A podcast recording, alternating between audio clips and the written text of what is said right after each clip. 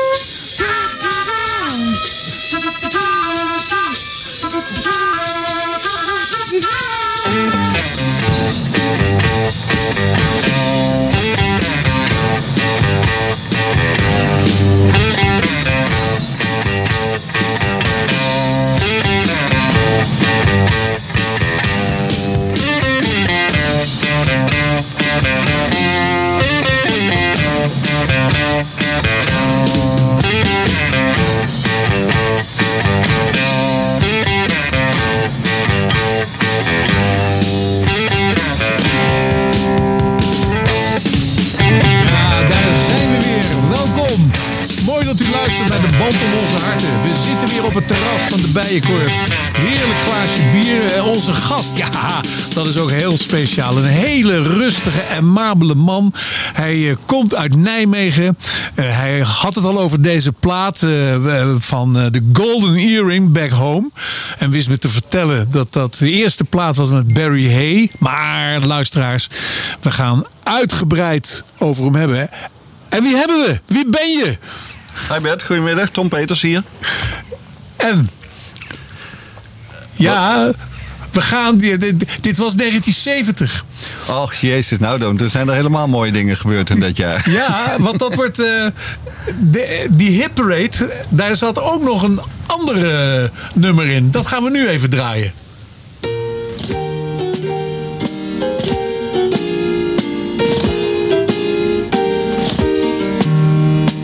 Fles speelde een grote rol in heel mijn droef bestaan. Omdat ik nooit geen liefde kreeg, ben ik aan de fles gegaan. Jij trouwe vriend, Jij schonk sindsdien mijn menig levensles. Ik heb gelachen en geweend bij jou mijn trouwe fles. Mocht ik door de drank bezwijken, mocht ik naar de donder gaan. Laat dan op mijn grafsteen prijken, hij kon niet meer op zijn benen staan. Mocht ik door de drank bezwijken, mocht ik naar de donder gaan. Laat dan op mijn grafsteen prijken, hij kon niet meer op zijn benen staan. Als ik afgemonsterd was, dan was mijn eerste gang. Het meisje waar ik veel van hield, mijn hele leven lang. En als een ander nader keek, dan flikkerde een mes. Dan werd ik om mijn neus wat bleek en greep weer naar de fles. Mocht ik door de drank bezwijken, mocht ik naar de donder gaan. Laat dan op mijn grafsteen prijken, hij kon niet meer op zijn benen staan. Mocht ik door de drank bezwijken, mocht ik naar de donder gaan. Laat dan op mijn grafsteen prijken, hij kon niet meer op zijn benen staan. En mocht ik s'nachts op de oceaan, wanneer de stormwind brult, bezopen op de voorplecht staan, de fles nog half gevuld. En zijt dan onze marconist, het noodzijn SOS, dan gaat mijn laatste goed aan wal, gestoken in een fles. Mocht ik door de drank bezwijken, mocht ik naar de donder gaan. Laat dan op mijn grafsteen prijken, hij kon niet meer op zijn benen staan. Mocht ik door de drank bezwijken, mocht ik naar de donder gaan. Laat dan op mijn grafsteen prijken, hij kon niet meer op zijn benen. Ja, het is, het is een mooie chaos op eh, het terras van de Bijenkorf. Iedereen stroomt binnen. Onze ex-excellentie loco-burgemeester Jansen komt eraan. Maar het gaat niet om Leo Jansen vandaag. Het gaat om Tom Peters. En Tom, welkom. We, hebben, we zijn begonnen met eh, twee eh, muzieknummers. Maar we, gaan straks wel over muziek hebben. Maar het belangrijkste is... We gaan het over Tom Peters hebben. Wie is Tom Peters? Vertel eens even zo van eh, dat manneke uit 1953 uit Nijmegen. En doe het maar tot nou, 1973. En vertel alles wat je in dat hoofdstuk van jouw autobiografie staat. Wat je het liefst niet wil delen met iedereen, maar toch gaat vertellen. Nou, ik heb een paar schooljaren achter de rug. Natuurlijk de lagere school de middelbare school. Dat was een HBS destijds. Daar heb ik iets te lang over gedaan. Een jaartje of acht in plaats van de gebruikelijke vijf jaar. Maar dat kwam eigenlijk omdat wij allemaal in de buurt van Nijmegen toen al bezig waren met koppelbazen en dergelijke in Duitsland. Waar we werkten in de vakanties en in de weekenden. En die bouwvakkers daar die hadden veel hulp nodig in, eh, in Duitsland. En vanuit Nijmegen was het heel makkelijk. Binnen een half uurtje was je op een bouwstelle in eh, Duitsland. Daar konden we als scholieren veel geld bij verdienen. Daardoor duurde de middelbare school wat langer. En in de tussentijd, eh, eind jaren 60, toen ging mijn broer een platenzaak beginnen in Uden in Noord-Brabant. Daar ging ik in het weekend werken en zo ontstond de grotere liefde van muziek. Zo- Zoals die op dat moment al bestond natuurlijk, maar eh, zoals bij iedereen. Maar vanaf toen ben ik echt serieus me in muziek gaan eh, interesseren. En als ik even mag vragen, want we zijn begonnen met de Golden Earring en daarna Jan Boezeroen. Waar ging jouw hart het liefst heen? Ja, de Earring die heb ik eh, gevolgd in die jaren, want we gingen eh, op de Poeg eh, in eh, 1969 naar eh Katzand en naar Knokke, Oostende. Daar gebeurden natuurlijk de meest vreselijke dingen. En de Earring die speelde bijna elke week wel op een camping in, in Katzand. Dus er was groot feest de zomer van 69. Ja. en toen? Ja, nee, nee, nee. Maar ik, ik zei de keuze, als je nou Jan Boezeroen, dat is het Nederlandse lied. En uiteindelijk komen we daar bij jou toch terecht. Ja, dat klopt. Maar eh, in mijn hart, uh, ik heb een tegenstrijdige liefde voor muziek. Dat, uh, de Stones, daar komen we hopelijk straks nog even op. En Jan Boeseroen, dat was dan niet direct mijn favoriete muziek. Maar ik vond bijvoorbeeld wel al in een heel vroeg stadium Ramse Shaffi leuk tot Corrie Konings. En in een heel breed spectrum Nederlandstalig. En toen wist ik natuurlijk nog niet dat ik later zou gaan produceren een paar jaar later. Maar dat is uiteindelijk gebeurd vanaf mijn negentiende. Toen ben ik bij uh, Fonogam in Hilversum terechtgekomen. Daar ben ik uh, als junior producer aangesteld. Toen had ik een enorm grote bek. Toen zei ik, dat wil ik wel komen doen, maar dan wil ik een BMW 3 hebben. Want ik ga niet in een oude auto door het gooi rijden. Dan uh, kan ik nooit een uh, artiest uh, serieus, mij serieus laten nemen. Nou, die kreeg ik. Wel een en... redelijke Duitse mentaliteit. Dat heb je daar dan in de bouw wel geleerd. Ja. en uit de eerste drie, vier maanden, daar kwam helemaal niks van terecht. Dus ik dacht, jeetje, wat, waar ben ik aan begonnen? En toen werd ik onder druk gezet door de directie. Bij Fonogam van, joh, het is wel de bedoeling dat je hier met een paar hits binnenkomt. En uh, alsof het zo mocht zijn, een week later uh, kom ik met het idee bij Fonogam aan... dat ik een oud liedje van vroeger van de straatzangers opnieuw wilde opnemen. Er was op dat moment een hele grote hit in Nederland van de Migra's. En dat liedje heette In de Vreemde. En er zat een hele grote, grote trom in. En dat pa, pa, pa, pa. Nou, ik zag heel volle tour het televisieprogramma van toen uit zijn dak gaan. Ik denk van als we een ander liedje in dat stijltje opnemen...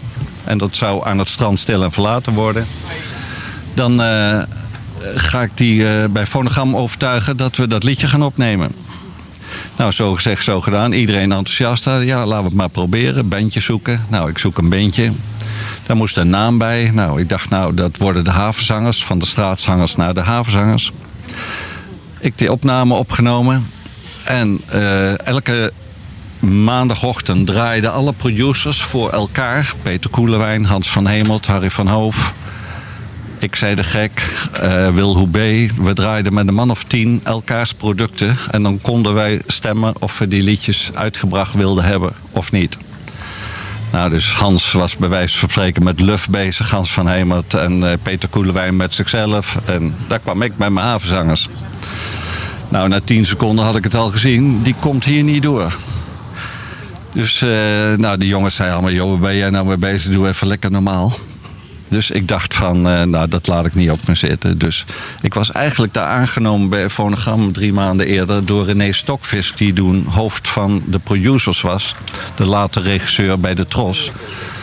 En ik naar René Stokvis toe. Ik zei, René, moet je horen. Uh, die was inmiddels bij de Tros in dienst als regisseur van onder andere Op Volle Toeren. Ik zei, help mij even met de eerste uitzending van Op Volle Toeren die er nu aankomt. En zet die havenzangers erin. En uh, hij zei, nou, laat eens horen. Dus ik laat horen. En hij zegt, nou, dat vind ik een hartstikke leuk plaatje. Joh. Aanstaande vrijdag hebben we uitzending live. Uh, als jij zorgt dat die band er is, dan uh, moet je nog wat attributen even halen. Wat netten en wat flauwekul. Dan hangen wij die op. Dan ga ik even bellen of de uitzending vijf minuten langer mag duren. Nou, dat, dat ging toen nog zo. Dus hij belt even laat terug. Ja, we, we kunnen op het einde van de uitzending... kunnen die jongens erin. Nou, dus door alle drukte was ik helemaal vergeten te vertellen bij Fonogram dat ik dat geregeld had. Dus uh, vrijdagavond live, vijf over negen, daar komen de havenzangers met aan het strand stil verlaten op de televisie. En ik was daarbij in Hilversum, maar woonde nog in Brabant. En om 11 uur s'avonds kom ik uh, thuis bij mijn vriendin en die zegt van uh, de directeur van Fonogram heeft al vijf keer gebeld. Hij is bloedlink zo te horen. Dus ik denk, nou, uh, het schopt mij te binnen. Ik ben inderdaad vergeten te zeggen dat ik uh, de havenzangers erin gegooid heb.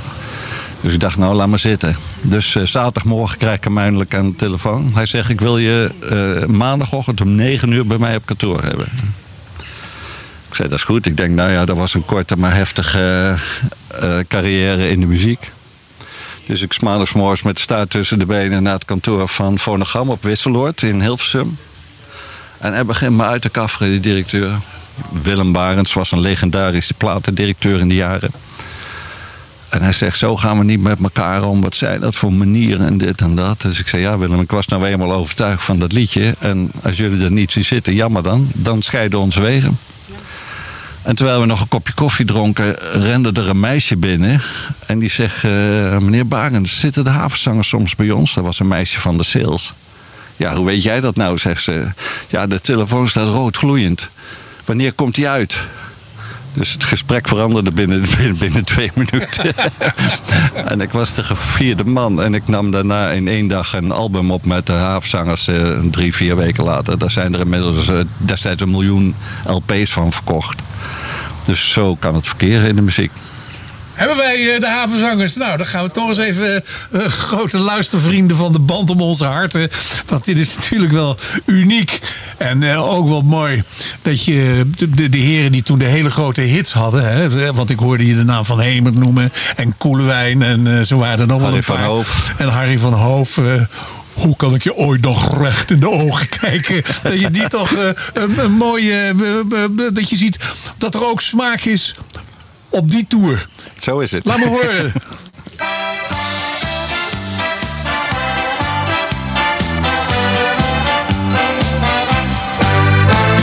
S'nachts zo om een uur of twee, dan gaat in ons stamcafé de deur op slot. Je weet niet wat je ziet. Het licht gaat uit de kaarsen aan, de gasten gaan in rijen staan. Hoogste tijd voor het allerlaatste lied. De kastelein en zijn vrouw die gaan ons voor. De hele meute volgt en we zingen allemaal in koor. S'nachts na tweeën, dan gaan we met z'n allen naar beneden. Dan weer naar boven waar we trouw beloven. Dat wij vannacht niet meer slapen. Ja, ja, s'nachts na tweeën, dan komt het dak hier altijd naar beneden. Wij naar boven waar we trouw beloven, tot morgen vroeg door te gaan.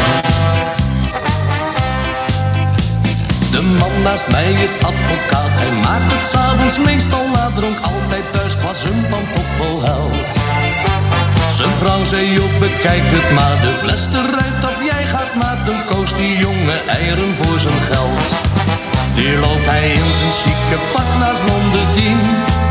Zoiets dat kun je toch alleen maar in ons stamcafeetje zien. S'nachts na tweeën, dan gaan we met z'n allen naar beneden. Dan weer naar boven waar we trouw beloven. Dat wij vannacht niet meer slapen. Ja, ja, s'nachts na tweeën, dan komt het dak hier altijd naar beneden. En wij naar boven waar we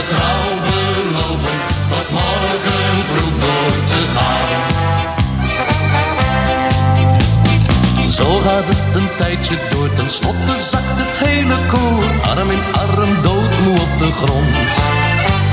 De kastelein die heeft een lol, hij gooit nog eens de glazen vol en ik kus een mooi blondje op de mond.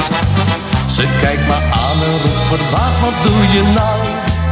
Je moet wel doorgaan, anders dan vertel ik alles aan je vrouw. S'nachts na tweeën, dan gaan we met z'n allen naar beneden. Dan weer naar boven waar we trouw beloven, dat wij vannacht niet meer slapen. Ja, ja, s'nachts dan komt het dak hier altijd naar beneden. En wij naar boven waar we trouw beloven, tot morgen vroeg door te gaan. Ja, elkaar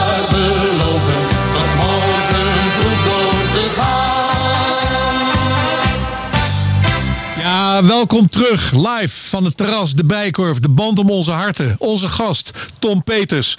Eh, werd je vroeger niet Tommy genoemd? Ja, dat klopt. Nog steeds nog eh, vrienden en bekenden. Oh, Oké, Dus ja, op het terras Tommy Peters. En aangeschoven ook eh, Leo Jansen. En die weet er natuurlijk ook een hele hoop van. Maar Leo, waarom ben je hier eigenlijk? Nou, ik, Behalve dat je mij graag wilde zien. ja, dat sowieso. Maar ik wilde heel graag van de gelegenheid gebruik maken. Omdat wij heel druk zijn met het organiseren van een speciale benefietavond in Singelaren. aanstaande dinsdag 5 juli. Ongelooflijk mooi programma. Het is een samenwerking van de Rotary, eh Laren Blaricum, Singen Laren en de violiste Anastasia Kozlova. Die eh, zeg maar Kasteel Groeneveld eh, Festival organiseert. En meerdere van dit soort eh, benefietgalas al heeft georganiseerd. En ehm, ja, er komen fantastische muzikanten. Klassieke muziek. Maar ook bijvoorbeeld een, een prachtig boeiend verhaal van de oud-directeur van het Rijksmuseum.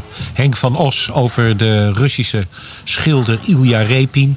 Eh, verder eh, komen de mensen van het eh, jazzorkest van het Concertgebouw. Orkest. Ehm, daarnaast, hoe heet die? Misha Maisky. Die heel toevallig nu ook eh, eh, op het eh, festival is in Blaricum. Die komt spelen. Kortom, ik denk dat van kwart over acht tot een uurtje kwart over elf... krijgen de mensen een ongelooflijk boeiende voorstelling voorgeschoteld. Bijvoorbeeld ook de winnares van The Voice in Oekraïne. Dat meisje, dat komt, nou ja, als je die het Oekraïens volkslied eh, hoort zingen, dan dat ontroert je. Verder is er een hele leuke loterij. Er is gewoon een heleboel te doen. En eh, kaartjes kunnen gekocht worden voor 50 euro. Die 50 euro gaan naar eh, een summer school voor Oekraïense kinderen die hier in de regio op school zitten. Nederlands krijgen bijgespijkerd in de zin van dat ze verder kunnen komen op de middelbare school. Misschien hier en daar nog een leuk Eh, er gaat ook wat geld naar eh brodeloos eh, zijnde eh Oekraïense muzikanten natuurlijk. Kortom, eh 50 euro kost een kaartje. Je mag ook gewoon doneren. En meer informatie kun je zien op eh www.singelaren.nl Of je gaat naar de website van www.bol-an.nl En ik zou zeggen, mensen, doe het. Het is hartstikke belangrijk, want die kinderen die moeten gewoon een goede summer school krijgen. Dat ze zo snel mogelijk hier eh, integreren en eh, een be- een beetje van het leven kunnen gaan genieten. Leo, als ik dit zo hoor, dan zou ik eigenlijk zo naast jou op een kussen willen dromen.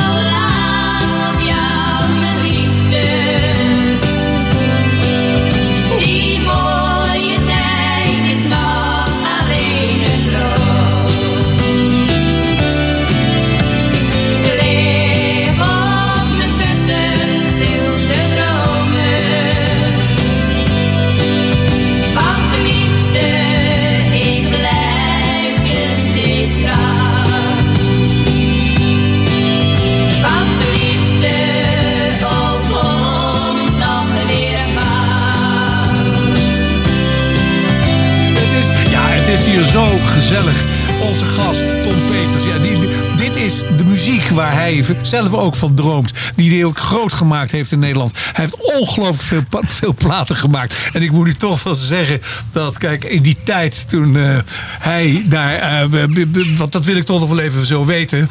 Maar in die tijd was het eigenlijk, als je een beetje corporaal dacht, was dat not done muziek. Maar dat nodigde in ieder geval wel uit. Eén keer per jaar had je kermessen op de kroeg. En daar waren ze. Eh, groot succes, man. Iedereen ging uit zijn dak. Nee, Maar dat het- klopt. Ik maar- ging altijd mee met eh, verschillende artiesten. Onder andere met de zangeres zonder naam. Met Happy en Happy naar Minerva, naar Groningen, naar Utrecht, naar Rotterdam, naar Delft. Want dat was bier gooien af aan de letteren. En het was echt in de jaren zeventig waren dat de leukste optredens voor de artiesten. Die kregen vaak dubbele gage, omdat ze zeven kratten bier over heen kregen. Het was eh, een volle bak altijd. En iedereen zong alles mee. Dat was wel frappant. Ja, nee, maar dat was het ook. Het was not done, maar iedereen wist het. Dat was hetzelfde dat... eh, Iedereen weet, wist ook van al deze artiesten wat, maar ze zeiden ja, eh, privé en zo, dat lezen we niet. Dat heb ik bij de kapper gezien. Ja, precies. Ja, Maar ja. Tom, jij bent het middelpunt eh, v- in deze uitzending. De band op onze harten. Live van de Bijenkorf op het terras. Gezellig. Eh, Marcel, die weer eh, uit de mottenballen is gehaald. En hier de techniek doet. Eh, Erik, die zogenaamd eh, in de studio moest zijn. Maar nu zit te smoezen met een hele mooie vrouw. En zich nauwelijks bemoeit eh, met, met, met Marcel. Maar dat hoeft ook niet, want die kan alles. Maar Tom, eh, even nog toch. Jij ging in die platenzaak werken, hè? En dat was een beetje zo... In, in, Arnhem had je Radio Ten Kaat. Waar Bert Vechter stond. Ja, ja. En eh, nou, vertel eens wat over die tijd. Hoe dat dan, hoe, hoe, hoe dat dan ging.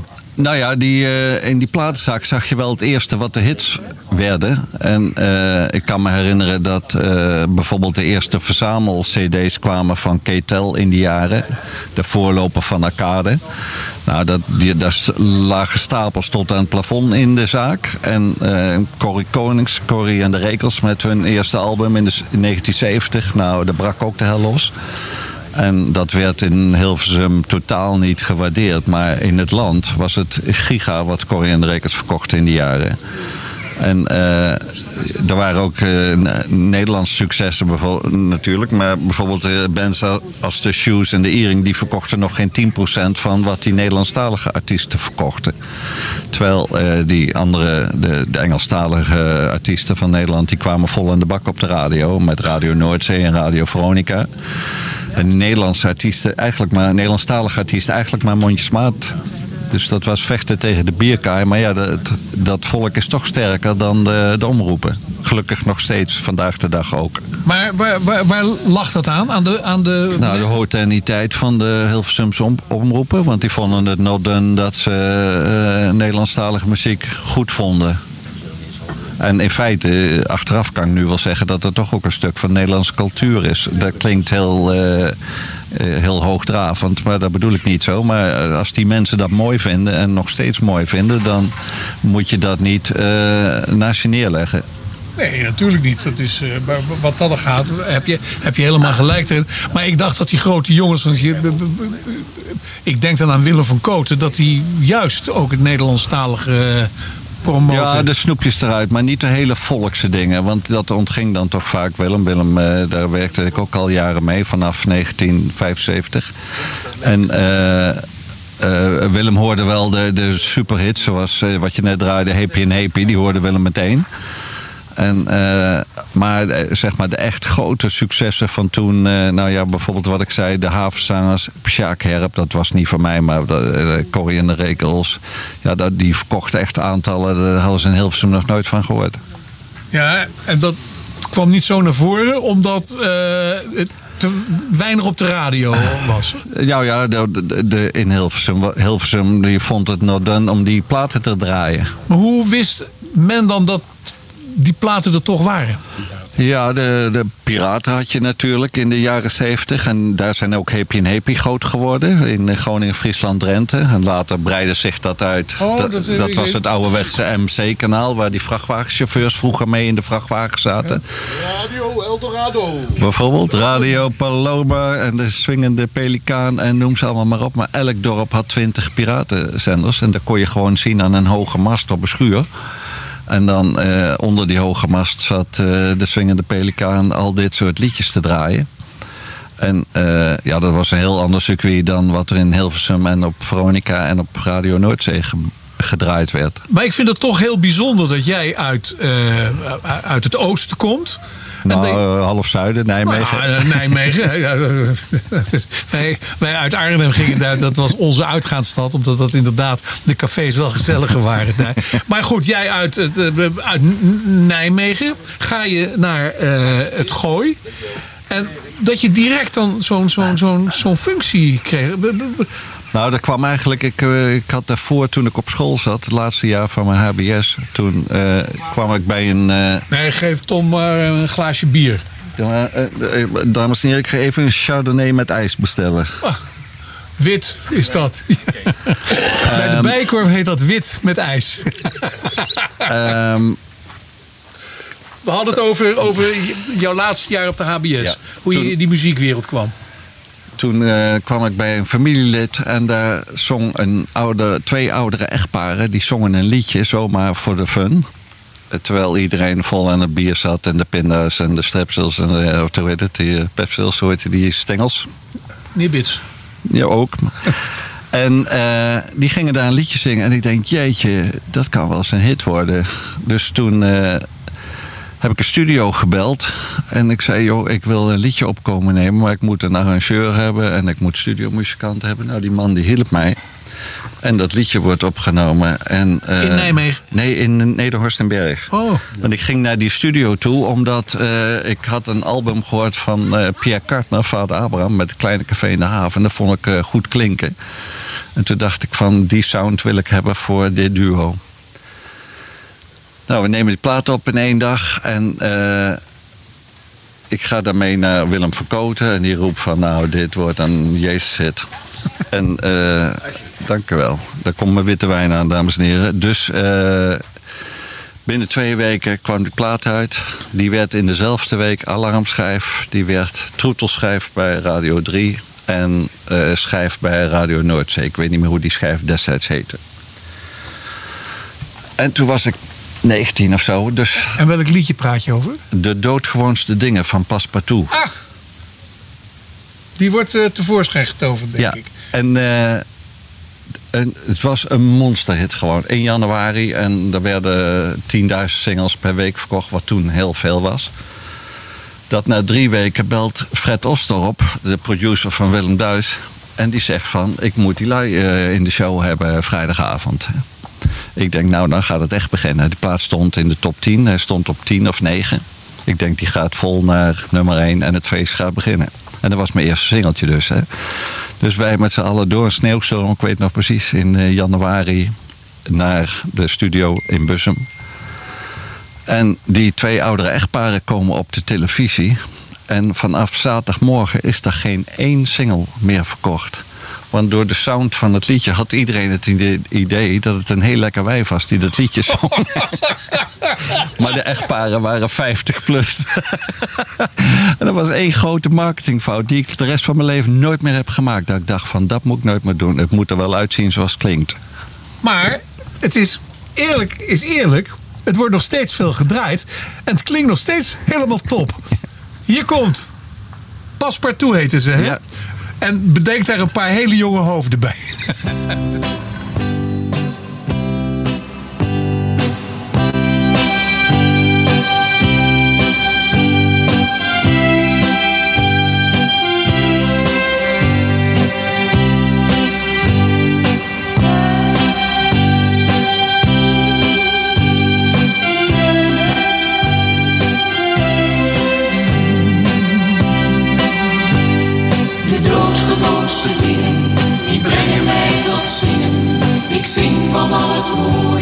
zie. Het dagelijkse leven is mijn allermooist gegeven in harmonie, op melodie. Soms zie ik het vervagen, dat zijn mijn trieste dagen, die brengen mij dan even van mijn stuk. Maar meestal zijn de dingen als de vogels die mooi zingen van eindeloos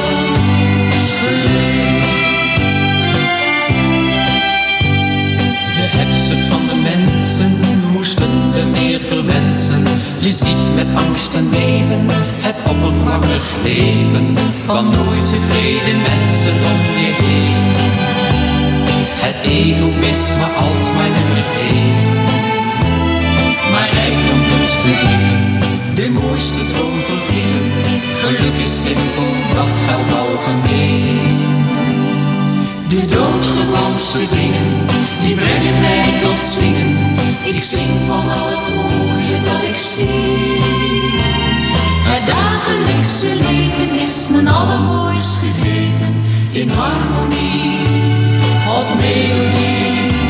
Soms zie ik het vervagen, dat zijn mijn trieste dagen, die brengen mij dan even van een stuk. Maar meestal zijn de dingen als de vogels die mooi zingen, van eindeloos geluk. De wijsheid die we wensen, leeft onder alle mensen, in alle regionen, vaak onder doodgewonen.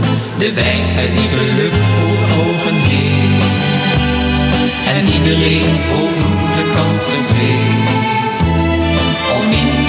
Korte leven elkaar geluk te geven, gelukkig doen waarvoor de mensheid leeft. De doodgewoonste dingen, die brengen mij tot zingen. Ik zing van al het mooie dat ik zie. Het dagelijkse leven is mijn allermooist gegeven. In harmonie, op melodie. Soms zie ik het dat zijn mijn trieste dagen. Die brengen mij dan even van mijn stuk. Maar meestal zijn de dingen als de vogels die mooi zingen van eindeloos geluk. Maar meestal zijn de dingen als de vogels die mooi zingen van eindeloos geluk.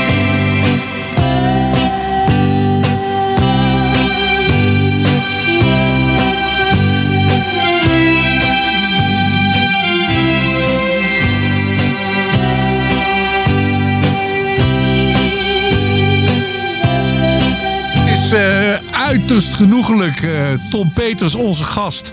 En eh, dit was zijn, zijn, zijn, zijn, ja, zijn en zijn ontdekking, maar ook de ontdekking van deze, de- ja, dit bejaarde stel. Wat hij tussen de schuifdeuren had weggehaald. Dan had je toch wel goede oren. Maar toen, toen was je gevestigd in Hilversum. Nou, dat was de reden dat ik door Fonogram gevraagd werd Ah. met het verhaal wat ik net vertelde van de havenzangers. Ja. Precies. En toen zat je in één keer met Koelewijn en Van Hemert Ja. eh, aan één tafel. Ja, het leven werd er niet beter op. Wou dat.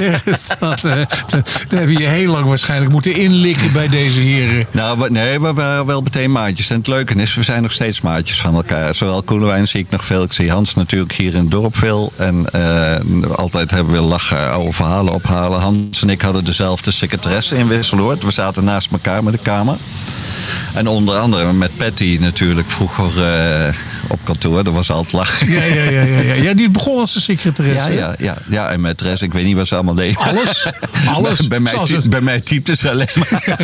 Ja, dat zeg je. Dat zeg je. Maar eh, daarna kwam je bij Fonogram. De havenzangers heb je toegepakt. Nou, vertel verder uit dat, uit dat prachtige eh, v- leven van je. Eh, nou ja, de- toen kwamen eh, de- meerdere Nederlandse artiesten als eh Corrie Konings, als eh Happy en Happy hebben we het net over gehad. Eh, Maar nou, ik ben, nee, ik ben ook eerst zeer benieuwd. Dat, dat is het even opnoemen van de artiesten. Maar jij komt hier dus wonen in het, Go, in het Gooi.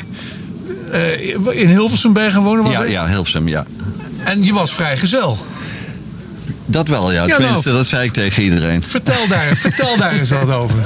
Nou ja, het leuke was dat alle omroepen, de, de, vooral de commerciële omroepen, hadden avonden. Vooral de maandagavond was berucht in het gooi. Want dan werden door de discjockeys de schijven, eh, de, de hitkeuzes van de discjockeys gekozen. Ah, daar komt een knakworstje. eh, Lekker hoor. ja, Ehm, die werden gekozen in Baccarat onder andere. En in, eh, er was nog zo'n nachttent. Dus daar, dat was mijn eerste confrontatie met het nachtleven van Hilversum. En waar discjockeys zijn, zijn ook mooie dames. Dus eh, ik redde me wel in die tijd. En ik ging al gauw samenwonen met een dame, ook uit de muziek, die eh, de secretaresse van Tony Berg. En daar heb ik een aantal jaren mee samengewoond. In die jaren. En eh, nou ja, langzaam maar zeker involved in het eh Gooise leven. Als Ehm, ja, ik, ik zit een heerlijke knakworst te eten. Maar was jij in dienst van Fonogram? En, nee, freelance. En deed je in opdracht? Of kreeg je... Nee, ik zocht zelf de artiesten en eh, dat werd dan bepraat van waar, waar is behoefte aan. Of ze hadden zelf Corrie Konings onder contract op een gegeven moment. En de, in het begin eh, was er een, een collega-producer die eh, met Corrie werkte en later ben ik met haar gaan werken. En dus het kon of zijn dat wij eh, artiesten creëerden zelf, of dat we bestaande artiesten gingen produceren. En jouw verdiensten zaten hem in de royalties die je kreeg eh, voor het produceren Ja, van liedje schrijven voor die artiesten. Dus een combinatie van beide. En tegenwoordig ben je ook involved in de live optredens. Maar daar was in die jaren nog helemaal geen sprake van. Nee, want als je genoeg platen verkocht, dan was, Was prima. was dat prima. Ja.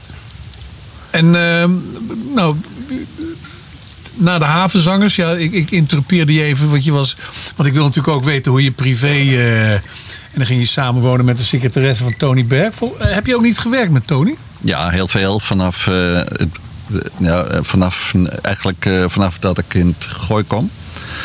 En eerst had Tony een muziekuitgeverij waar, waarvan ik veel liedjes opnam met de artiesten die, on- die ik onder mijn hoede had.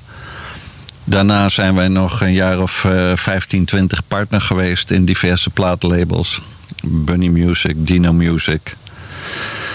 Eh, toen hebben wij eh, uiteindelijk Dino Music eh, verkocht in 2005 aan EMI Music. Dat is tegenwoordig heet dat Universal Music. Het wordt goed ingewikkeld, maar in ieder geval, wij hadden de tent verkocht. En toen ben ik weer voor mezelf begonnen met een label. Tony is toen naar Talpa gegaan, is met John de Mol een nieuwe muziekuitgeverij begonnen. En ik ben eh, een zelfstandig nieuw Nederlands plaatlabel begonnen. Dat heet Energy Music. Vanaf 2005 was dat. Maar die, dan zitten we, nu zitten we al in het jaar eh, of, eh, 2000 zoveel. Maar eh, in de tijd dat je begon, daar 1970 of 73. Toen was 75. Ook, 75 was ook Sky the Limit, hè? Alles mocht. We gaven feesten, dat, dat was echt sky limit. Eh, nou, het restaurant Spandershoeven, dat bestond in die jaren alleen maar door de producers van Fonogram. Want we eh, lunchten en aten daar acht keer per week of zo, per persoon. We gingen met alle artiesten daar naartoe. Eh, als we feestjes gaven, dan waren, er, dan waren er ook budgetten om echte feestjes te geven. Maar de platenmaatschappijen die verdienden ook geld als water in die jaren. En die gebruikten ons toch als een soort uithangbord om de boel aan de zwengel te krijgen. En wij regelden zelf pers bij, eh, bij een release van een single of bij een release van een album. Ja, we deden eigenlijk eh, veel meer dan. We gingen ook promoten zelf naar de televisie, vaak ook naar de radio. Ik ging heel veel naar Willem van Koten, naar Frits Spits toe. Naar Hugo van Gelderen, destijds een discjockey van de Radio 3, van de Tros. Dus wij waren ook de hele dag ook bezig. Maar dat, bij- dat deed je zelf. Ja, ja, samen in combinatie met de promotieafdeling van de platenmaatschappij. Maar het was wel belangrijk dat je zelf ook nog even een eh, extra zetje gaf. Ik heb de indruk dat de heer Van Hemert dat nooit gedaan heeft. Nee, misschien heeft hij wel heel goede platen gemaakt. Nou, dan hebben we- nee, nee, maar ik had altijd de indruk dat jullie eh, die platen maakten, maar er altijd mensen voor inhuurden, als eh, Jan Bult en zo, dat soort. Nee, eh, dat klopt. Maar de, toch was het belangrijk, en ik vooral met mijn Nederlandstalige artiesten, om, om daar de aandacht voor te krijgen van de discjockeys. Dus kijk, als je een goede popplaat had als, als producer, ja, dan was het makkelijk. Want dan zeiden die discjockeys via hun eigen smaak wel van dat ga ik draaien of niet. Maar ik moest er wel vervechten, ja. En eh, je had het al genoemd, op volle, of, je hebt volle toeren Ja, dat, hè? Ja. Dat was natuurlijk eh, Het, het, belangrijkste het programma. doorgeefluik voor de Nederlandstalige muziek. Ja, er keken in die jaren 5 tot 7 miljoen mensen. En dat kun je niet meer voorstellen op een vrijdagavond van half negen tot half tien. En als je daarin kwam als, als tip eh, plaat of in de top 5, dan, ja, dan eh, brak de hel los weer voor een paar weken. En vier weken later was er weer een nieuwe op volle toeren. Dus kwam je meestal van tip in de top 5. Als je dan twee, drie maanden in die top 5 kon volhouden, dan, eh, die artiesten die toen succesvol wa- waren, die snabbelden zich eh, drie keer in de ronde. Van Ben Kramer tot Corrie Konings, eh, Vader Abraham, Sjaak Herp. Nou, allemaal dat soort artiesten. Die hebben gouden jaren gehad destijds. Aan wie eh, hou je nou de- de mooiste herinneringen? Ja, dat zijn allemaal verschillende emoties. Maar bijvoorbeeld met de havenzangers heb ik denk ik het meeste gelachen. Dat is echt niet normaal geweest. Van, dus van zowel de opnames als de, eh, als de, de feesten, partijen. Ik heb heel veel gouden... Kwamen ze uit Arnhem? Ar- Arnhem en Apeldoorn, ja. En eh, daar waren, elk jaar was er een gouden of er was een eh, platina feestje van het LP's nog in de jaren. En nou, er waren altijd dolle dagen. We gingen met een heleboel discjockeys uit eh, Hilversum. Gingen we één keer per jaar vissen met de havenzangers in Apeldoorn in een forellenvijver. Maar als het ons niet snel genoeg ging, dan joegen we de band zelf eh, het water in. En die moesten dan alle forellen naar de kant eh, laten eh, opdrijven van de forellen. En wij stonden daar de hengel op te halen met een aantal discjockeys. En die waren super trots dat ze goed forel konden vissen. Nou, daarna gingen we dan naar de lokale Chinees. Daar lieten we alle schalen komen die op menu stonden. En die werden halverwege het eten na elkaar. Als er eentje riep, gooi even de bij pangang. Dan werd er ook een schaal door de hele zaal gegooid. Vervolgens ging die via het plafond weer terug. Ehm, nou ja, dat, dat waren allemaal qua jongens eh, streken met de havenzangers. Dat was voor wat betreft het lachen heel leuk. En zelf heb ik een eh, mooie herinnering aan Corrie. Die als je een liedje had geschreven en dan maakte hij een demo, een proefbandje. En als Corrie het dan echt ging zingen, dan was het niet normaal hoe, hoe goed het dan werd. Want zij kon echt in mijn ogen geweldig zingen. Eh, niet alleen in mijn ogen, ze is natuurlijk altijd heel succesvol geweest. En dan blijkt als een artiest echt goed is, dan, dan kan die echt iets toevoegen aan een liedje. Dat heb ik wel geleerd van haar onder andere. Dus het is heel verschillend wat, wat zijn de mooiste momenten. Er zijn heel veel, duizenden mooie momenten geweest. eh. En jij combineerde, of eh, jij, jij, eh, combineerde, componeerde je, je eigen muziek? Ja, niet alles. Ongeveer een derde van wat ik opnam, dat, dat schreef ik zelf of met anderen samen. En eh, het was echt wat op dat moment het beste liedje was. Eigenlijk zoals het vandaag de dag ook nog steeds is. Een artiest Ja. krijgt een aantal liedjes aangeboden. En daar kiest hij de leukste of de beste uit in samenwerking met zijn producer of plaatlabel. En zo ging het destijds ook. Dus eh, vaak moest ik noodgedwongen wat schrijven of met anderen iets schrijven. Omdat er gewoon geen goed liedje was op dat moment. Ja. En wat is jouw, eh, wat van, voor Van Leeuwen Venus is, wat is voor jou het liedje? Waar je nu nog steeds om lacht als je naar je Buma... Eh, nou, dat was in de jaren 70, nee, in de jaren 80 was dat een liedje van een meisje Sandy. Ik ben verliefd op John Travolta. Dat, eh, Ik ben verliefd op John Travolta van Sandy.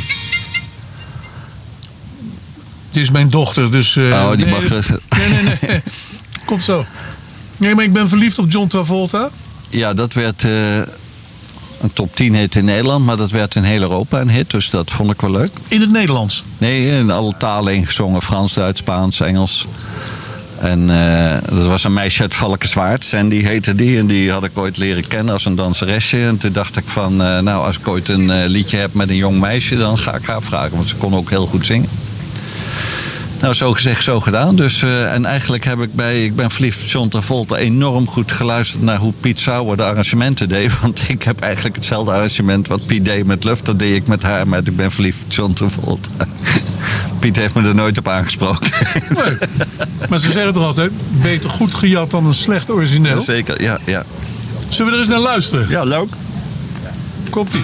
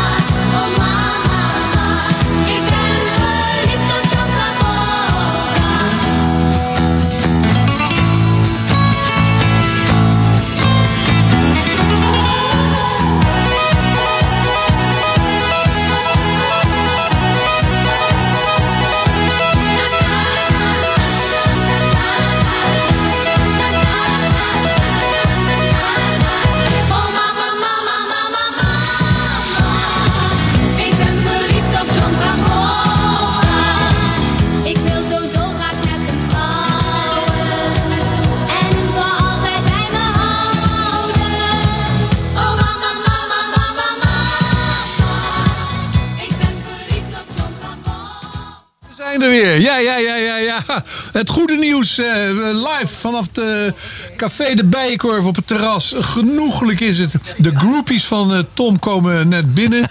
En eh, die gaan ook aan de witte wijn zonder ijs. Lekker hoor. En ja, ja, ja, wie de wijn? of de groupies. Eh, Welkom terug bij de band om onze harten. Tom Peters. Een hele bescheiden, maar grote platenproducer van ons land. Want ik vind het wel grappig. Jij, eh, wat we nu draaiden. Ik ben verliefd op John Travolta. Met dank aan Piet Sauer en Ja. Luf. Maar dat maakt geen moer uit. Je hebt daar 3 miljoen singles van verkocht. Ja, ja in Europa. In niet alleen Europa, in ja, Nederland. ja, ja. Nee, eh, toen waren er nog maar 3 miljoen mensen in Nederland, geloof ik. Maar wat ik toch wel. Dat geeft ook aan dat het Nederlandse eh, talige muziek niet misschien. Maar dat, eh, dat vraag aan je of dat zo is. Voorpagina's van eh, de, de, de Telegraaf of andere kranten haalde jij niet. Waar jij op stond met deze dame. Terwijl dit toch een uniek is. Want ik denk dat je toch wel in de top 10 van de meest verkochte platen wat dan gaat zitten. Ja, toen waren er wel meer singles hoor, die, die zoveel verkochten in Europa. En ik wil niet zo zeggen, niet vanuit Nederlandstalige gedachten. Maar eh, ja, we hadden destijds toch wel grote steun bij de Telegraaf door middel van Henk van der Meijden. Dus als er wat was, ik, ik was bijvoorbeeld producer van Annie Schilder toen ze solo ging eh, uit BZN. En dat was een enorme rel, want ik ging eigenlijk een liedje maken wat een supersingle voor BZN zou zijn, haar eerste solo single. En eh, nou, bij BZN brak de pleuris uit, zo gezegd. eh, dat ik met zo'n soort liedje met Annie kwam. En toen vonden ze ook nog twee regels van het liedje wat ik had geschreven, wat ze vonden dat plagiaat was. Dus die, eh, die gingen naar de plagiaatcommissie bij Buma Stemra, het auteursrechtenbureau. en spanden daar een zaak eh, omheen aan die ze gelukkig hebben verloren. Maar Henk van der Weijden die was wel zo van... eh, dan gaf hij ook veel support aan zo'n artiest als eh Annie Schilder. Dus Ja. Telegraaf was toen echt eh oh, super belangrijk wel. Maar dat jij 3 miljoen singles van Ik ben verliefd op John Travolta hebt verkocht, dat. Nee, dat was geen nieuws in de, in de pers destijds, nee. maar het, het is wel wat. Nee, nou, ik ben er ook hartstikke trots op. Daarom noem ik het ook. Maar ja, ja dat is al lang geleden natuurlijk. Het was leuk toen. En ben je blijven hangen in Wisseloord om daar alles op te nemen? Of, Nee, eh, helemaal niet. Nee, eigenlijk altijd naar Neder-Oostenberg gegaan. Waar ik ooit begonnen ben met Passepartout. En waar de havenzangers albums allemaal opgenomen zijn. Eh, de Sunstreams en andere artiesten. En, eh, daar Maar is die, is dat Red Bull? Of Red Nee, ja, Hans Albers. In de, bij het kasteel Nederhorst. Oh, Dat daar. zijn- Ja, ja. Oh nee, dat andere is eh, van Van Van, Van Ko- Verkoten. Dat is op de machineweg in Bullet Sound. Oh, dat is niet Nederhorstenberg. Ja, ook. Ook. Oh, op ja, maar dit is bij Hans Albers eh, in het kasteel Ja, ja. Nederhorst. En dat is eigenlijk een legendarische studio van vroeger. Daar waren alle successen, de beginsuccessen van Corrie Konings, van vader Abraham, van Jacques Herp, Manuela en alles, die zijn allemaal daar opgenomen. En alle kleinkunstdingen van Harry Banning, van eh, eh, ja, tientallen Nederlandstalige artiesten vooral. Maar niet zozeer alleen maar volksartiesten, maar ook cabaretachtige tracks. eh, tot en met de kinderprogramma's van eh, NPO, ehm, Sesamstraat en dergelijke. Al die liedjes zijn ook allemaal, eh, die komen allemaal uit die studio. Dus het is wel een ger- gerenommeerd hok. En is het nog steeds gebruik je Ja, ik steeds? zit daar nog steeds twee, dagen, twee drie dagen in de week. Met Hans. Ja? Ja, ja. Nee, heel gezellig en we creëren nog steeds nieuwe talenten. En eh, nee, dat gaat gewoon door. En eh, dus naar Wisseloord ben je daarheen gegaan. En wat, wat zijn daar je eerste grote successen? Nou, waar we het straks over hadden, dat begon met de havenzangers eigenlijk. Dat, eh, Oh, dat, dat oh, was al meteen in de studio. Ik dacht dat je die eh, opgenomen had in Wisseloord. Nee, het was precies andersom. Ik heb eigenlijk alleen Sandy met Ik ben verliefd John Travolta hebben we Wisseloord opgenomen. En de rest Oh. allemaal eh, in Nederhorstenberg. En eh, daarna, ja, we hadden het even over, want ik, je hebt een hele hoop nummers heb ik hier van jou. En John Spencer, Ja, daar heb je een cover meegemaakt. een heleboel zelfs. Eh, Henk van Broekhoven, een, eh, Tilburgse zanger. Die eh, had al een keertje een hele piratenachtige opname gemaakt van een liedje Lana. En nou, ik heb hem benaderd en ik zei, joh, als we dat professioneel gaan opnemen, dan denk ik dat we een hit kunnen maken. En tot mijn grote verbazing, de dag dat hij uitkwam, toen was Frits Spits net eh, de vervanger van Willem Verkoten bij de avondspits eh, op Radio 3. En die draait dat liedje en roept dat het een van de beste Nederlandstalige eh, covers ever is. En die is dat wekenlang blijven steunen, waardoor John Spencer een top 10 hit werd met Lana. En later hebben we nog een aantal liedjes gemaakt, hits als eh, bijvoorbeeld de Nederlandse versie van eh, Johnny Remember Me. Johnny Vergeet Me de- niet. Dat was een, een liedje uit de, van de Rondells uit de jaren 60. Ja. Rock'n'roll liedje. En nou, ik geloof dat we wel een stuk of tien hits met eh, John Spencer destijds hebben gemaakt. Allemaal covers van 60 jaren rock, rockliedjes. En Lana, is dat... eh, nou, laten we eerst maar luisteren. Dan eh, kunnen we het eh, een beetje horen eh, wat het is. Ja, hier komt Lana. John Spencer.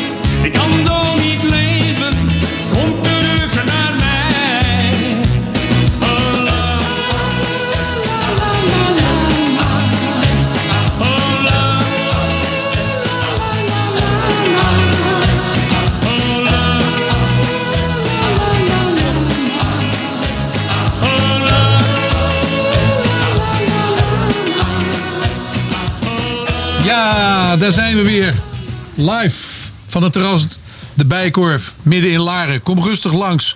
Het is uiterst genoegelijk hier. Leuke muziek. De topper eh, die dit allemaal eh, gemaakt heeft, eh, is onze gast. Tom Peters. Jeetje, er komen nog meer vrouwen. Tom, dat is toch iets unieks, hoor. Sinds jij, sinds jij... Ik heb nog nooit zoveel vrouwen hier op het terras gezien. Maar het lijkt meer jouw doelgroep, Bert, of eh, vergis ik me? Nee, nee, oh nee, er komen ook mannen achter. Dus, dat, ze, ze hebben bewaking bij zich. Oké, alles veilig. Tom, ongelooflijk mooi dat jij hier bent. En ik, het mooie vind ik dat jij hebt eigenlijk meer gedaan dan heel Nederland weet. Dus dat vind ik goed dat we dat via de dorpsradio bekendgemaakt hebben. Want je weet, hier wordt ook een, een, dat heet een podcast, heet dat, eh, van gemaakt. Dus vanaf ma- maandag ben je eh, gewoon via, weet ik veel, alle zenders eh, te beluisteren.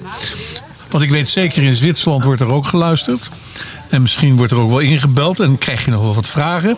Maar jij eh, hebt ook nog een paar platen. Heb je gezegd, nou die wil ik graag gedraaid hebben. En één daarvan was eh, Honky Tonk Woman van de Rolling Stones. Ja. Wat voor verhaal heb je daarbij? Nou, meerdere, maar ik ga even snel door de bocht. In 1966, toen eh, eh, ben ik naar het tweede Rolling Stones concert gegaan. Op de rug van mijn broer, die ouder was. En toen was ik... eh, Je was 13 jaar. 13. En eh, eh, dat was in de Brabanthallen in Den Bosch. Nou, daar was ik helemaal flabbergasted. En toen dacht ik, wauw, dit wordt mijn bandje. Want het was natuurlijk vroeger een beetje Beatle of Stones. En inmiddels eh, is het voor mij beide. Want ik heb heel veel bewondering gekregen voor Lennon en McCartney met hun songwriting. En de Stones vind ik echt eh, als liveband helemaal te gek. Ik heb heel veel concerten van de Stones gezien. En eh, toen Mick Jagger werkte eh, bij Wisseloord weer in, in Hilversum in 1987, denk ik.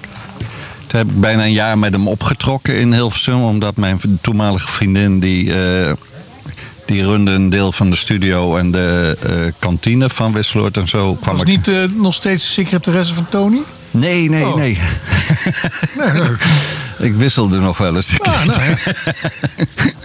Ehm, even nadenken hoor. Toen, eh, nou, er, zijn veel in Amsterdam uitgegaan, in Hilversum uitgegaan. Dat vond hij allemaal leuk, want hij eh, wilde ook wel eens eh, gewoon s'avonds op pad. Ik heb enorm veel bewondering toen van Mick Jagger gekregen. Die elke ochtend 20 kilometer ging joggen rond Hilversum en Loosdrecht.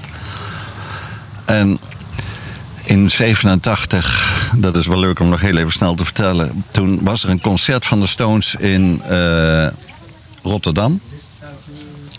En dat was de Honky Tonk Women Tour. En dan hadden ze twee enorme opblaasbare hoeren naast het podium staan van me- 30, 40 meter hoog. En Jacker die belt mij s'morgens van dat concert op. En die zegt van, eh, kom even iets eerder. We hebben een lounge tent eh, naast het stadion opgebouwd. Kunnen we een potje poelen? Want wij poelden veel in eh Wisseloord. Hè? Ik zei, nou leuk. hoe laat? Nou, half zes. Nou, ik half zes heen. En al die mannen die zaten heel relaxed op een bankje met wat familieleden. En ik ga een minuutje of half zeven poelen met eh Jacker. En eh, inmiddels wordt het half acht, acht uur, half negen. En die hele kuip die begint. We want Stones, we want Stones. Want zo ging het dan altijd voor een concert van Stones. Gaat nog steeds zo. Ja? Dat die hele hut eh, losgaat. En, eh, maar wij, onze best of five was nog niet af. dus de rest blijft onverstoorbaar zitten op de banken die er allemaal stonden. En Jacker bleef net zo lang doorspelen totdat het potje klaar was. Dat was inmiddels rond tien voor negen. Nou, de hele kuip die ging al tekeer. Iedereen was aan het jumpen en springen. En eh, nou ja, ik was daar met een heleboel collega's en vrienden op de tribune. Dus hij zei, eh, gaan we gauw naar de tribune, wij gaan eh, beginnen. Dus nou, het duurde zeker twintig minuten voordat ik op mijn plek was in een volle kuip. En eh, ik kom eraan. En een van mijn collega's destijds die vraagt van... joh, wat was er aan de hand in godsnaam? Dat is twintig minuten later begonnen. Hè? Ik zei, ja, ik moest even mijn poolpotje afmaken met Jacker. Dus...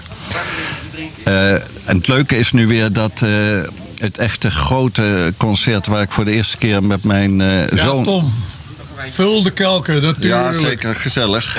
Ik word gedwongen eh, om nog nee, een wijntje wordt te niks nemen. gedwongen. maar jij... jij En eh, nou, nu is het leuke dat we vorige week, twee weken geleden, is het, laatste, denk ik wel, het laatste Stones concert in Nederland gecanceld vanwege corona.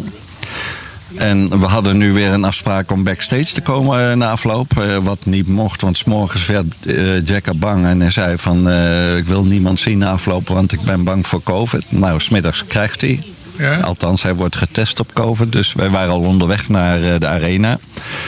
En ik had nu met een aantal discjockeys uit Hilversum, plus mijn zoon, die inmiddels eh, 23 is, die wilde ik de Stones laten zien. En nou ja, nu gaan we gelukkig 7 juli naar het Re- Revanche eh, concert. En eh, door mijn hele leven is Honky Tonk Woman eigenlijk een rode draad als eh, single van de Stones gebleven. Daar gaan we, Honky Tonk Woman. Hey!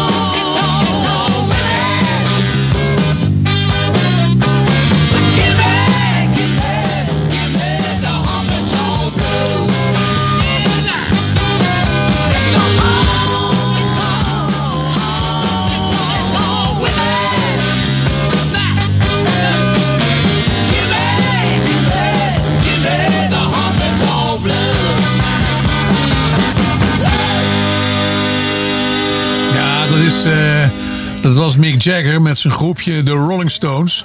En ja, kijk, dat is ook de bescheidenheid van onze gast Tom Peters. Wat een van de grote vrienden is. Het anker voor eh, Mick Jagger hier in Nederland. Hebben Nou, samen niet overdrijven. Jawel, nee, nee, nee. Je, je mag rustig eens een keer eh, wat, wat meer op het podium gezet worden.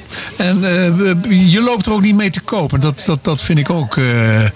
dat, dat, dat, dat siertje. Dat siertje. De Rolling Stones hebben we besproken. Ehm 7 juli ga je naar ze toe, hè? Ja, zeker. Leuk in de arena. Ja, jammer genoeg waarschijnlijk voor de laatste keer. Maar dat is wel- denk ik ook wel beter. Want het is nu... eh, ik hoorde gisteren zelfs vertellen dat er nog een aantal muzikanten backstage staan die hun ondersteunen. Die je niet ziet. Ja. Maar dat maakt mij niet uit. De mythe is groter dan eh, wat ik ga zien. En drink je dan een biertje in afloop met hem? Nou, eh, dat, dat was de bedoeling zelfs nu eh, bij het eerste aankondiging van het concert. Maar s'morgens werd hij angstig, Checker. En toen liet hij via, zijn manager weten dat er toch geen borrel na afloop was vanwege zijn angst voor COVID. En smiddags wordt hij in één keer positief getest. Dus dat was wel heel toevallig. Ja.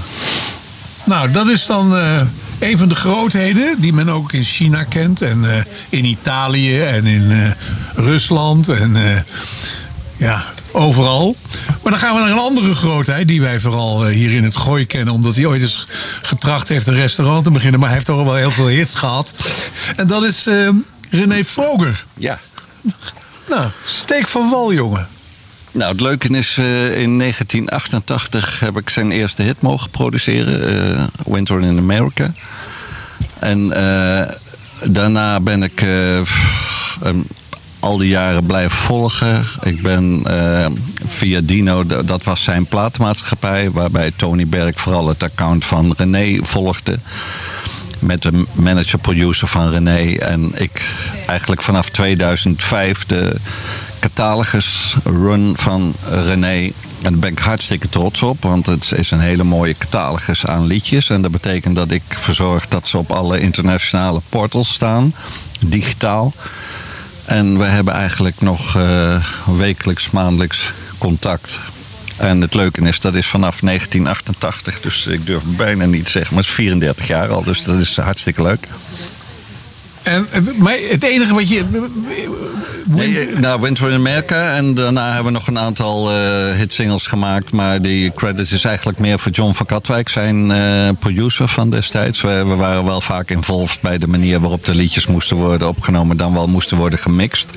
Maar verder is mijn rol daar redelijk beperkt in geweest. Ik heb hem alleen altijd wel nou, eh, aanwijzingen gegeven hoe ik dacht dat het zou moeten. Niet dat hij dat altijd opvolgde. Nee, nee. Maar ik vond de vriendschap belangrijker. Nou, dat is het ook. Tom, dat is eigenlijk de basis van alles. En eh, dat is gewoon even uit nieuwsgierigheid. Hij is groot geworden doordat hij iets met het goede doel heeft gedaan. Een eigen huis, is dat zijn... Of is dat niet nou, zijn... Winter in America was zijn eerste grote hit. Dat was eh, gecombineerd door het afscheid van eh, Adam Curry bij Veronica. Oh ja, ja, ja. En daar zong hij eh, Winter in America live in de Countdown Studios. En daar was nog helemaal geen opname van. En op een gegeven moment moest hij toch een single hebben. En toen heb ik hem moeten overreden dat hij Winter in America moest opnemen. Nou, uiteindelijk ging die overstag. En eh, toen heb ik het mogen produceren eh, en op mijn manier met, eh, met sequencers, wat nu allemaal heel gewoon is, met geluiden. En dat vond René toen iets te hip waarschijnlijk. Maar uiteindelijk is dat toch een eh, hele dikke top 5 hit voor hem geworden. Ja. En eh, dat moest ook wel, want ik had het doorgedrukt, het idee. Dus ik was hartstikke blij dat dit ook inderdaad een top 5 hit werd. En ja, dat is in zijn carrière een evergreen gebleven. En daarna kwam eh, Alles kan een mens gelukkig maken. Nou, dan gaan we jouw hit met hem draaien. Want dan zijn we zeer benieuwd naar. Want het is toch weer een tijdje geleden. Zeker. Hè? Times flies. Nou, nou, nou.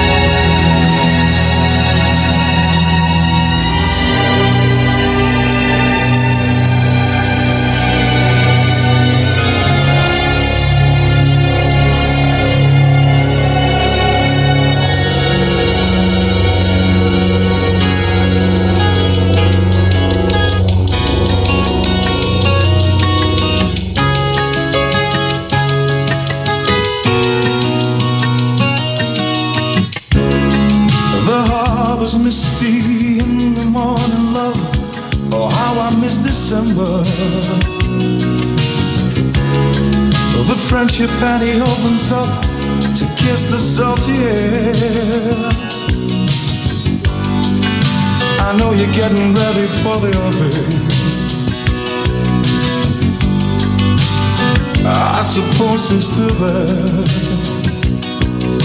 with you, sharing a morning sun. Winter in America is cold,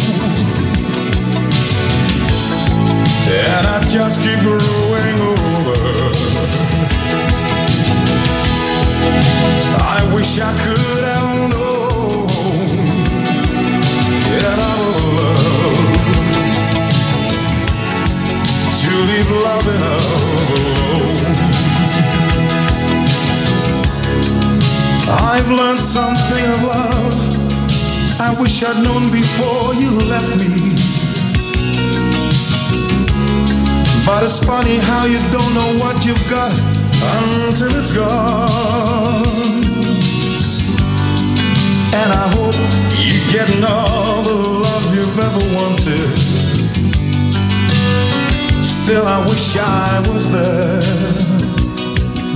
with you,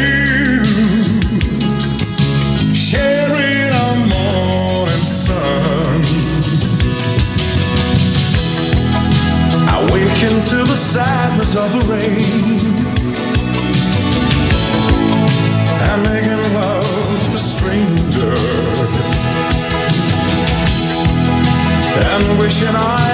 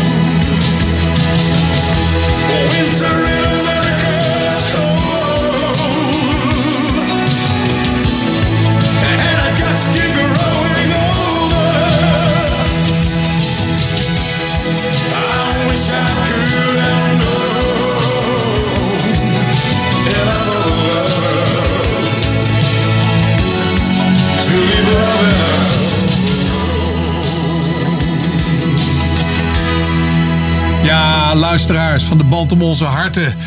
We zijn nog steeds in de lucht en met eh, heel veel plezier. Tom Peters, onze gast. Groot man uit de, uit, uit de muziekwereld. Vooral de Nederlandstalige. Maar dit heeft hij dus ook eh, gemaakt. Samen met eh, René Vroger. En het is altijd mooi. Hij moet je altijd de artiest overtuigen om zo'n nummer eh, te maken. Maar ook producers en eh, componisten die luisteren heel graag naar andere muziek. En vinden natuurlijk, wat eh, Tom net al vertelde. Dat eh, ja, had de de Rolling Stones. En natuurlijk een grote vriend Mick Jagger. Maar de Beatles ook vanwege hoe ze dat maken. En je gaat dan anders luisteren hè? Ja, zeker. Nou, vooral eh, zeg maar, eh, toen de Beatles ophielden, dat was eind jaren 60, eh, wat zeg maar 72 of zo. Nou, toen was ik pas, eh, eh, even snel tellen, eh, 21. Nee, even 19, sorry. Toen- eh, daarna ging ik naar die composities luisteren en de opname vooral. En eh, dan ga je boeken lezen over hoe de producer van de Beatles, eh, George Martin, dat eigenlijk een klassiek geschoolde geluidstechnicus was. Die, eh, hoe die die invloeden deed. Dat als je bijvoorbeeld een liedje als Yesterday neemt en eh, je speelt dat alleen op de gitaar. Zoals McCartney het liedje maakte. En je doet daar een, eh, een sextet violen en cello's bij. Dan krijg je een heel ander liedje dan wanneer die kabbelt op de gitaar. En dat was dan de invloed van de producer George Martin. En er zijn inmiddels veel boeken verschenen over hoe de opnamen van de Beatles tot stand kwamen. Op Disney Plus is een geweldige documentaire van hoe de Beatles hun opname deden in Abbey Road. Hoe ze daarmee met elkaar eh, in discussie gingen voordat er iets op de plaat werd gezet. En eh, ja, daar, daar kijk ik nog steeds met open mond naar hoe dat proces zich eh, voldaan heeft. En dat, eigenlijk heb ik dat proces nog steeds elke dag. Als je met een artiest in conclaaf gaat van... joh, ik denk dat je het zo moet zingen in plaats van hoe je het nu doet. En eh, ja, dat zijn soms felle discussies. Achteraf heb ik daar eh, gelukkig bijna altijd gelijk. Want eh, de artiest wil vaak iets anders... maar die is dan toch het best in het kunstje waarvoor, waarin die goed is. Ja. En dat zijn ook mooie discussies. En dan daarna heb je als producer de vrijheid. Hoe ga je die titel invullen? Ga je daar een heftig slagwerk in doen? Ga je daar synthesizers in brengen? Of echte violen? Of ga je trompetten erbij brengen? Dus de rol van ons als producer is eh, behoorlijk groot. En eh, daardoor vind ik het ook interessant om naar platen van andere mensen te luisteren. Van hoe doen ze het en eh, hoe komen ze op dat idee en wat een te gekke sound. En ja, dat kan van alles zijn. Dat kan de stem van George Michael zijn, die ik waanzinnig vind. En bijvoorbeeld een liedje als Careless Whisper vind ik nog steeds tijdloos en te gek. En hoe hij dat zingt, dat is ongelooflijk. Dat, eh, nou, zo zijn er nog meer tracks. eh, ik had een van die tracks aan jou opgegeven, Owner of a Lonely Heart, van de groep Yes. Ik vind verder van Yes niet heel veel eh, liedjes echt te gek. Alleen deze track vind ik echt als producer te gek. Dat toen ik die voor de eerste keer hoorde, heb ik letterlijk mijn auto eh, in de berm gezet. En toen ben ik keihard in, op de autoradio dat liedje af gaan luisteren. En daar zitten Sinti-inslagen in. Eh, hele harde eh, synthesizer effecten die het zo spannend maken. En die hebben ze ook weer omgekeerd in een reverse stand. Ook weer daarmee gemengd. En dat maakte die plaat zo interessant. Maar voordat ik erachter kwam wat ze uitgevreten hadden, dat duurde even. En tot die tijd was ik erg onder de indruk van die plaat. Ja, nou, ik vind het wel mooi om te horen. Want hebben, in dit programma hebben we ook andere producers gezeten. Hoe jullie toch heel anders naar een plaat luisteren dan wij als consument. Hè? Dat is. eh, Ja, maar ja, dat is je, dat is je vak. Ja. ja. nou, we gaan luisteren. En dan gaan we kijken. Die impact die zoveel indruk eh, op jou gemaakt Leuk, heeft. ja. Oké, yes.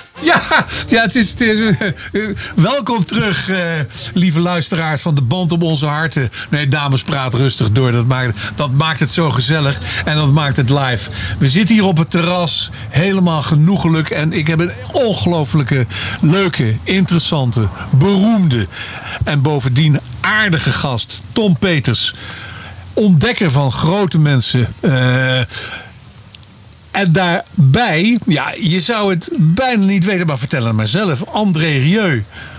Een wereldberoemde violist nu. Zeker.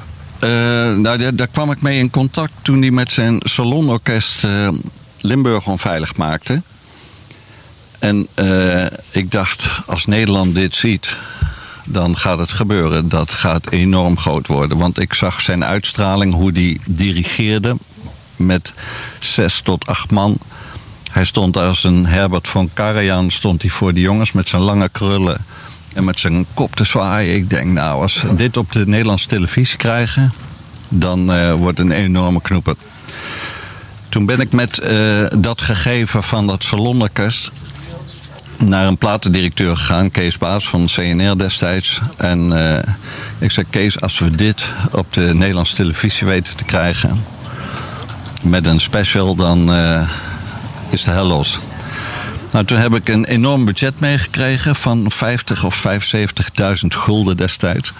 Om daarmee de omroepen af te gaan. Om te kijken of iemand geïnteresseerd was om een special eh, met hem op te nemen.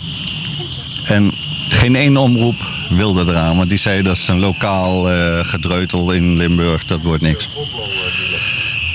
Dus ik wilde me niet laten kennen, dus ik zei tegen diezelfde plaatdirecteur: Weet je wat, laten we die 50, 75.000 gulden gebruiken om een eh, semi-klassiek kerstalbum met hem te maken. Dan kunnen we misschien op die manier eh, bekendheid aan hem geven. In Nederland via televisieprogramma's of wat dan ook. Nou, zo gezegd, zo gedaan. Wij eh, een kerstalbum opgenomen. En vlak voordat eh, nou, het, album komt uit in november. En vlak Die heb voor jij de, geproduceerd? Die heb ik geproduceerd, ja. Neemt En- hij dan de leiding over? Dat is gewoon even een vraag qua... Nee, helemaal niet. Hij was heel timide. En eh, eh, timide, hoe moet ik het zeggen? Hij vertrouwde mij en de arrangeur. Er was een arrangeur, John van der Ven, waarmee ik al jaren werkte. Met Corrie Konings en dat soort artiesten. En, maar John was eh, muzikaal heel goed onderlegd om ook zo'n semi-klassiek album te kunnen arrangeren. En dat hebben we samen een deel, voor een deel gearrangeerd op de computer. En eh, eigenlijk zo commercieel mogelijk proberen te maken. En eh, nou, het album kwam vier weken voor de kerst uit.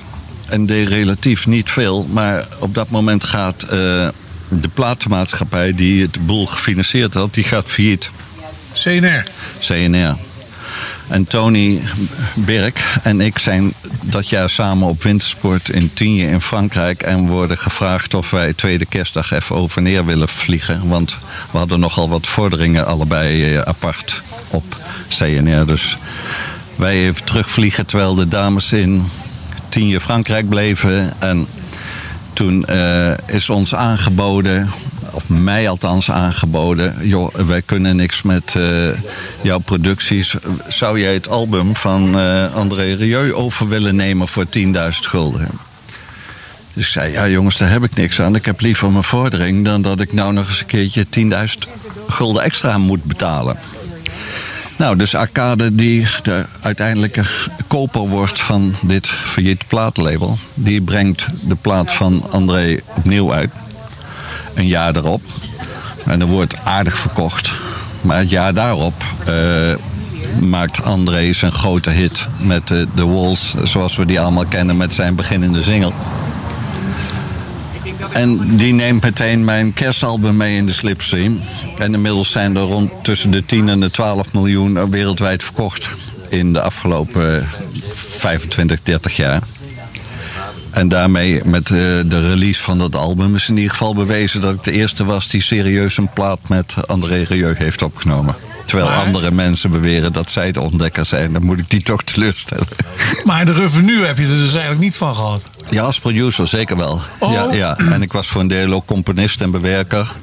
Dus, eh, Nee, via die hoek is het teruggekomen. Ja, maar ja. eh, de deal die CNR jou aanbood. Die, die zou veel lucratiever geweest zijn. je kunt niet alles hebben in het leven. Nee, nee, nee, nee, nee, nee. Nou ja, ik, ik ben heel benieuwd. Eh, We, we gaan toch, kijk, dat is het mooiste wat er is. Om in de zomer een kerstplaat te draaien. Hier is André Jeu met eh, We Wish You a Merry... We wish, with, with, with, with you a Merry Christmas. En dat is zo mooi. dus... We wish you a Merry Christmas. We wish you a Merry Christmas. We wish you a Merry Christmas and a Happy New Year. We wish you a Merry Christmas. We wish you a Merry Christmas. We wish you a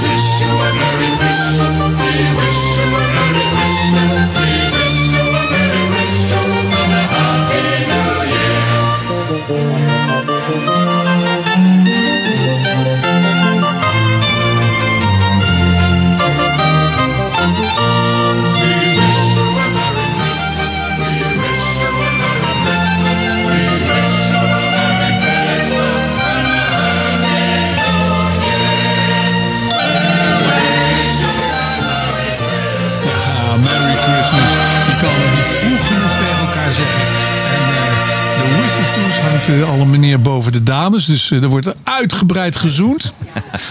We zijn nog steeds live bij de Band om onze harten. Van het terras van de Bijenkorf. Het is zeer genoeglijk en gezellig. Bovendien onze gast Tom Peters. Amabele jongeman. Nou ja, jong. Bijna. Bijna jong. Ehm André Rieu, jij hebt hem eigenlijk op de kaart gezet. Maar hij had een, een, een, een hitje daarvoor, wat, eh, waardoor die LP in de, be- be- is Nou, het meegegaan. zijn een hele grote eh, bewerking van eh, de Russische componist. Hoe heette dat liedje? Shostakovich, The Oh. Second Waltz. Dat is zijn wereldwijde doorbraak geworden. In Nederland ook een nummer 1 single. Oh, dat, ja, dat, dat zegt mij niks meer. Nou, als je hoort, zeker wel. Maar de- dat, daardoor is hij eh, heel groot geworden. En achteraf is daarmee eigenlijk ook, gezien zijn langdurige carrière, bevestigd dat het een enorm talent was. Heb jij nog contact met hem? Nee, terloops. Nee, nauwelijks. Dat, eh, maar als je hem belt, gooit hij niet hoorn op de haak. Of dan zegt hij, Nee, dat denk ik niet. Er is geen reden voor. kom gezellig langs. Ja. Ehm, dan hebben we natuurlijk nog, want uiteindelijk, eh, de tijd vliegt. En eh, we hebben nog, ja, jij hebt nog zulke grote namen eh, onder je vleugels of vleugelen gehad. En een van de eh, eh, dingen die je hebt doorgegeven, ik weet niet of wat je eigenlijk wil horen, is Blijf bij mij. Van Gerrit Joling en André Hazes. Ja. Nou, daar heb je een verhaal bij. Heel veel, maar één is leuk. Ik had die opgegeven, Bert, omdat eigenlijk jij daar zijdelings ook mee te maken hebt. Dat eh, ik was op zekere ochtend een solo-single van Gerard Joling aan het mixen in de studio. Blijf bij mij. Die zou op een album van hem komen. Dat was voorheen een liedje van André Hazes geweest. En eh, S'morgens toen eh, zei Gerard, belde mij op en hij zei... dat zou toch te gek zijn als ik zoiets met André Hazes zou kunnen doen. Ik zei, ja, dan moet je maar net de stem hebben van André Hazes nog zoals die vroeger is opgenomen. En toevallig de jongen van de studio zei, ik denk dat ik die stem heb. Dus ik zeg, nou, laten we kijken of we die kunnen implementeren in de bestaande nieuwe band. En eh, nou, zo gezegd, zo gedaan. Dat gebeurde tussen 10 en 12 's morgens. Want ik weet het nog precies. Als het iets later een hele grote hit is geweest... dan weet je nog precies wat er die dag gebeurde. En op een gegeven moment eh, ligt het zo... maar dan moet alles nog in verhoudingen gemixt worden. En wij probeerden wat en het lukte niet. Ik zei, weet je wat, we doen gewoon als solo-single... voor Gerard mixen. Maar zei hij, ik moet even weg. Ik zei, nou, geen probleem, dan neem ik het even over. Ik zei, maar waar ga je eigenlijk naartoe? Zei, ik moet in de tandarts. En Hans Albers die had een afspraak met jou. En die is twee uur onderweg van Nederhorst naar Laren. En ik zit eh, te mixen en in één keer valt het kwartje dat die stem van Gerard precies overgaat in die stem van Hazes. En als ze samen zingen dat het precies klopt. En er was niemand bij, en dat gebeurt eigenlijk misschien maar één keer in de vijf jaar... dat ik dat gevoel gehad heb terwijl je aan het mixen bent... dat ik dacht, wat een Jezus-hit gaat dit worden. Maar er was niemand, geen technicus, om het vast te leggen op een tape of wat dan ook. Dus ik heb lopen rommelen met een hulpmachientje om mijn mix daarop vast te leggen. En toen kwam eh, mijn technicus en de studio-eigenaar Hans Albers terug van een bezoek aan jou en de stoel. En hij zegt, jeetje, wat, wat heb je hier dan gemaakt? Ik zeg, ja, heel per ongeluk viel het in één keer eh, met die, de schuiven in de juiste richting. Dat het eh, helemaal goed is. Maar ja, toen was er nog een klein probleempje. Want eh, de, André Hazes die zat bij een heel andere platenmaatschappij als Gerard Joling. Die bij mijn label onder contract stond. Leefde die toen nog of niet? André Hazes niet meer. Nee, Nee, nee, die, was al, eh, die was al eh, een jaar of tien eh, overleden. En eh, toen eh, heb ik het eh, liedje opgestuurd. Jee, Tom. Een bal, dankjewel. Dank u wel. Eh, toen heb ik het liedje even met, per mail opgestuurd aan eh EMI. Dat was de, de oorspronkelijke platenmaatschappij van André Hazes. Nou, die belde binnen 10 minuten terug en die zei: Jeetje, wat een hit. Maar nu moeten we nog even Rachel zien te overtuigen. Rachel Hazes, die moest ook nog toestemming geven. En toen heb ik het geheime wapen van Gerard ingeschakeld. Zeg Gerard, wij hebben juridisch zijn de zaken in orde. Maar jij moet even je charme-offensief richting Rachel eh, eh, naar boven brengen. Nou, dat heeft hij gedaan. Hij heeft Rachel eh, op een mooie manier uitgelegd hoe, wat dat met hem deed, dat duet en zo. En Rachel was meteen om toen ze het hoorde. En die, eh, die single die werd een enorme hit, een nummer 1 hit in Nederland. Ik denk voor, eh, die heeft ongeveer drie maanden nummer 1 gestaan. Net zo lang als de meeste dromen zijn bedrog van Marco Borsato. Dat zijn de twee langst genoteerde nummer 1 hit in Nederland van Nederlandse producties. En het leuke is, door deze track ben ik een album op gaan nemen met allemaal Nederlandse artiesten met dezelfde techniek, die allemaal gecombineerd werden in een duetvorm met de stem van André Hazes. En daar hebben we 400.000, 500.000 cd's van verkocht. Dat was een enorm succes. En daarna zijn we een concert gaan doen in de Arena, uitverkocht. Eh, samen met Dre heette dat eh, concert. Dan zag je de beelden van een zingende André met de artiesten live op de bühne. En dat is uiteindelijk uitgemond in Holland Zingt Hazes, wat nog steeds loopt vandaag de dag. En dat is allemaal begonnen met deze track eh, Blijf bij mij. En daar was jij eigenlijk ook een onderdeeltje van. Want als hij niet naar de tandarts had gehoeven, dan was die hele mix nooit zo geworden. Het klopt, het klopt. Ik had hem bewust op dat tijdstip neergezet, zodat jij even alle rust zou krijgen. Nou, dankjewel nog. We gaan het horen. André Hazes en Gerard Joling. Top.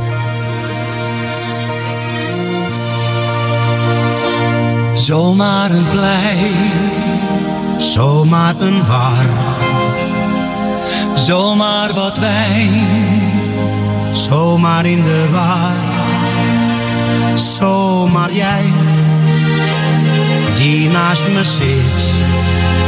ach, zomaar jij, die ik zo aanbid. Dit zijn voor mij de uren, dat kan voor mij niet lang genoeg gaan duren. Niet zeggen, maar alleen elkaar bekijken. Ja, echt, dat is waar ik voor wil bezwijken. Ik zou hier al mijn tijd voor willen geven. Je kent me niet, toch hoor je in mijn leven. Het is misschien wel veel wat ik zou willen. Alleen voor jou wil ik mijn tijd verspillen. Zou te mooi zijn als jij dit nu aan mij vroeg.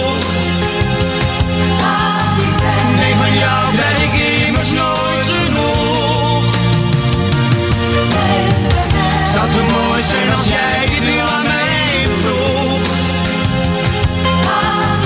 Nee, van jou krijg ik immers nooit genoeg. Ik weet niet eens je naam, toch ben je bij me. Ik ben nu een gedicht voor jou aan het rijmen. En elke dag zit ik op jou te wachten. Van jou heb ik al slapeloze nachten.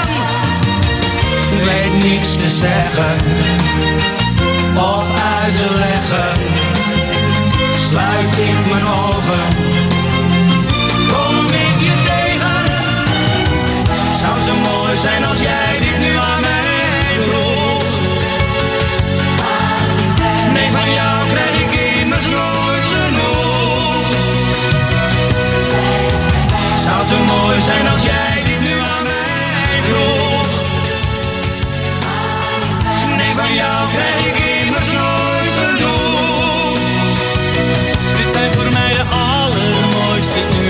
Dat kan voor mij niet lang genoeg gaan duren.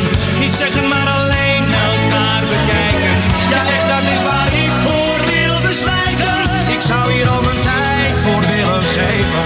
Je kent me niet, toch hoor je in mijn leven. Het is misschien wel veel wat ik zou willen.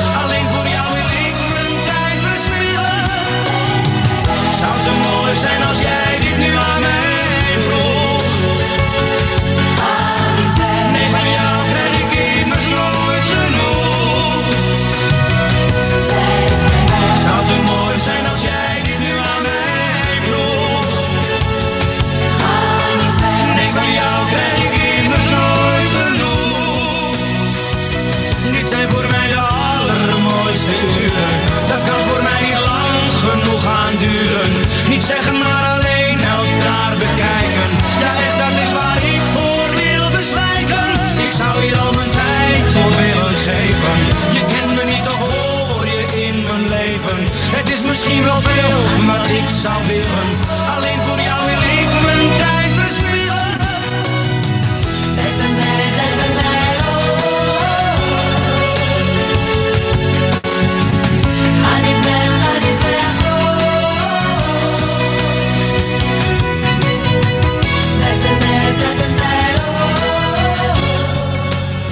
Ja, welkom terug.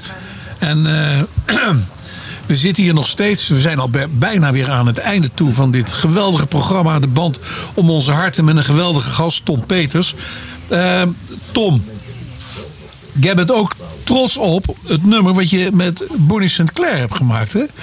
Komt uiteindelijk uit de koker van Peter Koelewijn? Ja, zeker. One Stand Between Them. Peter begon in 1967, denk ik, met haar. Die schreef dat liedje voor haar. Dat werd een grote hit voor Bonnie. Maar zat ze niet eerst in, bij, met, met eh, Robert Long? Nee, dat was later allemaal. Oh, is dat later? Ja, ja. Oh, nou vertel. Ik ga je niet onderbreken. Eh, dat is in de 70 jaren geweest. En eh, daarna heeft ze Nederlandstalige dingen gedaan als... ehm, nou, noem het eens op. De halverwege... Bonnie, kom je buiten spelen. Bonnie, kom je buiten spelen. En op een gegeven moment eh, was Bonnie eind jaren 70 uit de picture. En eh, tien jaar lang heeft ze nauwelijks een hit gehad. En toen kwam ik een Duits liedje tegen van Roger Whittaker. En eh, dat klinkt als een heel simpel liedje. Maar dat is het niet, want daar moet je enorm goed voor kunnen zingen. En toen dacht ik, ik moet een zangeres hebben in Nederland die enorm goed kan zingen. Wie zou dat kunnen doen?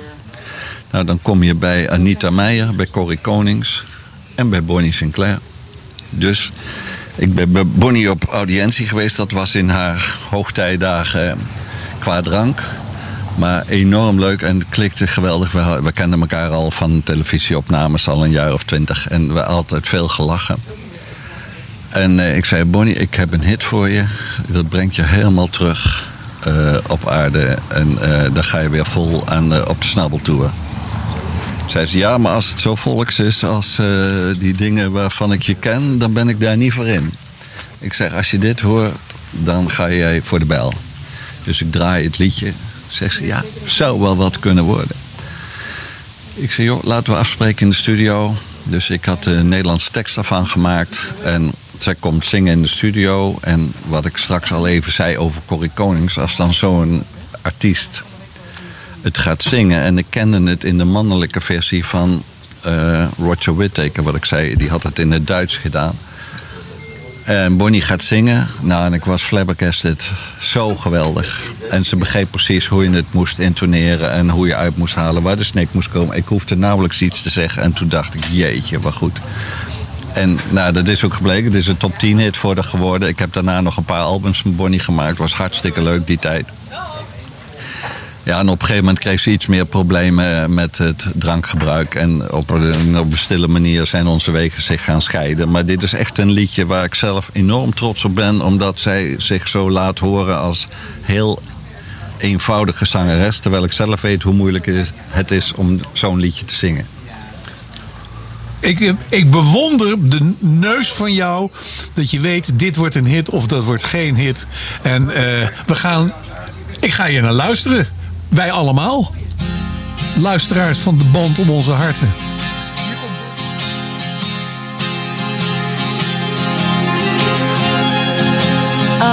Afscheid, eenzaamheid en ontrouwe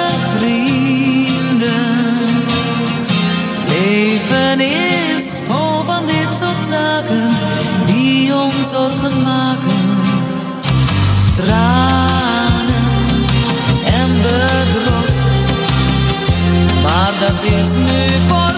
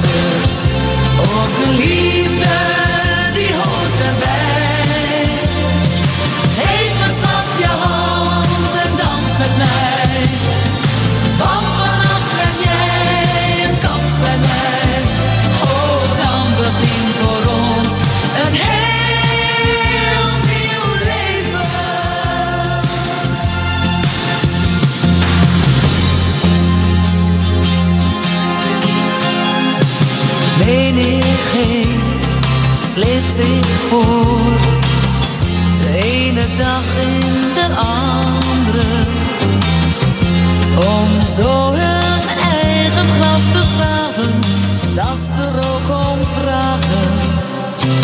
Meer zat er niet in, maar dat is nu voorbij.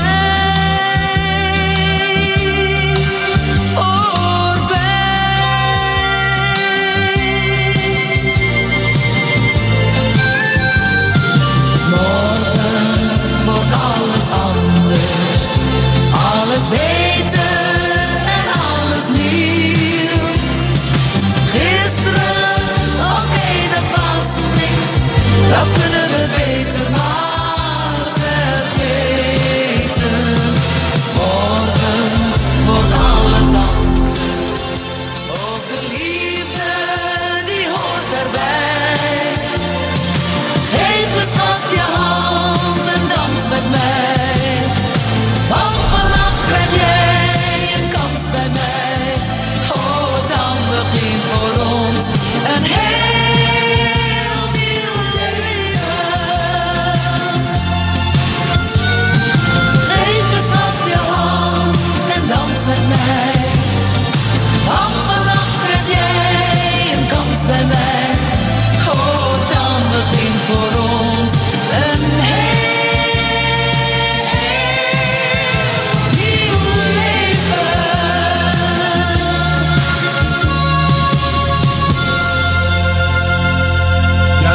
lieve luisteraars, eh, we, we zitten er bijna doorheen.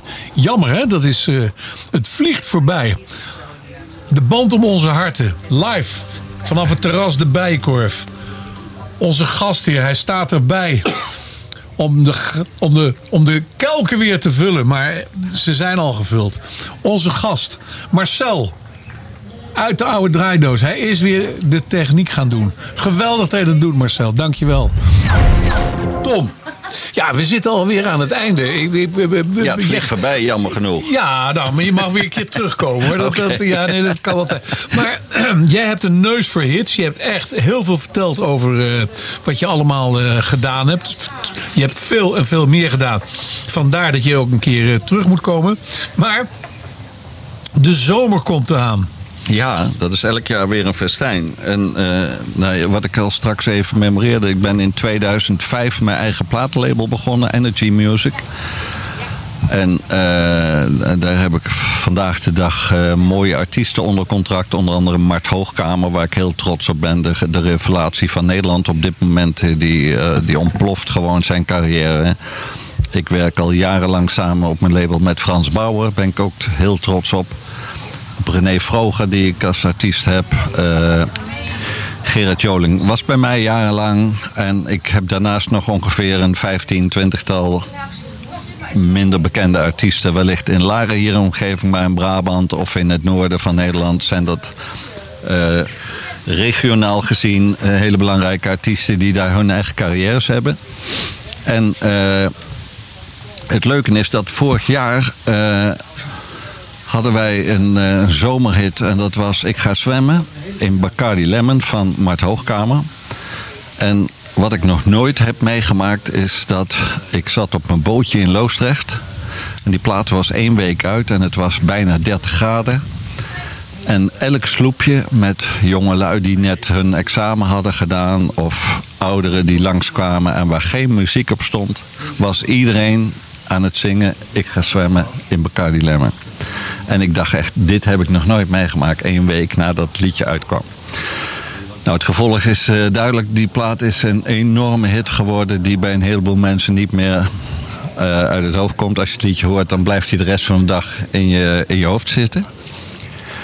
En eh, nou, dit jaar dacht ik, het wordt wel tijd dat we weer eens een nieuwe zomerhit hebben. En bij Radio NL, wat een hele belangrijke radiozender is voor eh, Nederlandstalige muziek, dat is een landelijke zender, hadden ze een verkiezing met eh, schuine liedjes, eh, top 10. En ik herinnerde me een liedje van een jaar of 10, 12 geleden.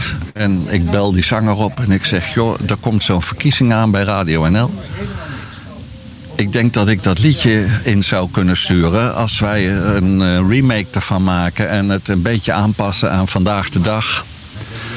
En ik breng het uit als energy, dan denk ik, eh, we zetten onze marketing tools in en de fans van mijn artiesten. Dan denk ik dat we een goede kans maken dat we op één komen in die lijst. Nou, zo gezegd, zo gedaan. Drie weken geleden zijn die verkiezingen. En dat liedje komt eh, op de eerste plaats. In die verkiezing van schuine met een knipoog eh, liedjes eh, voor de zomer. We hebben een heel goedkoop clipje opgenomen. En het leuke is dat de beweging in zo'n clipje... dan de zanger die gooit zijn arm in de lucht en weer naar beneden in het refrein. Verder doet hij niks. En dat heeft ertoe geresulteerd dat op TikTok... wat op dit moment een van onze belangrijkste tools is... om artiesten naar een hoger niveau te brengen... in de zin van dat ze meer onder de aandacht komen... en meer streams gaan verwerven. Op TikTok heeft dit liedje nu zo'n 500.000 eh, eh, views gekregen. En dat komt omdat allerlei bekende Nederlanders dat refreintjes zijn gaan coveren op TikTok in filmpjes van 15 seconden. En die doen allemaal de handen in de lucht van Patty Bart tot eh, allerlei collega-artiesten van deze jongen. Maar ook onbekende mensen en kinderen in de auto's. En iedereen die zingt het liedje. Het liedje is inmiddels twee weken uit. En ik denk, dit gaat gewoon zo'n grote hit worden. Want moet je je voorstellen, Bert, dat de bouwvakkers die gaan dadelijk met z'n allen naar uh, toe. En je zet dit liedje op, s'avonds om 9 uur in Tormelinos, terwijl ze al vanaf 5 uur op het terras zitten. Nou, dan hoef ik jou niet uit te leggen wat er gaat gebeuren. En de mensen die in Nederland op de camping blijven. Ik voorspel zo'n beetje, de bouwvak begint rond 1 juli. Dat rond 9 tot 15 augustus zingt heel Nederland dit liedje. Ja, we gaan. Wacht even, ik moet even aan mijn eh, directeur vragen. Als we het nu aanzetten, kunnen we hem dan helemaal afluisteren? Of komt dan. Ja? Nee, we gaan het niet doorlullen. De plaat moet gedraaid worden. Maar eh, komt dan automatisch het nieuws? Het nieuws komt erin op een gegeven moment. Ah, draai het snel. Eh, ik, ik heb eh, zonneschijn op mijn lul. Dames en heren, bedankt voor Nee, het... heel netjes zon op mijn piemel, dames en heren. Oh, zon en op mijn piemel. 15 augustus schat ik dat heel Nederland dit liedje Dit mee gaat Oké, zingen. dames en heren, bedankt voor het luisteren. De, po- de podcast is vanaf maandag te beluisteren. Hoi. Hoi. Hoi.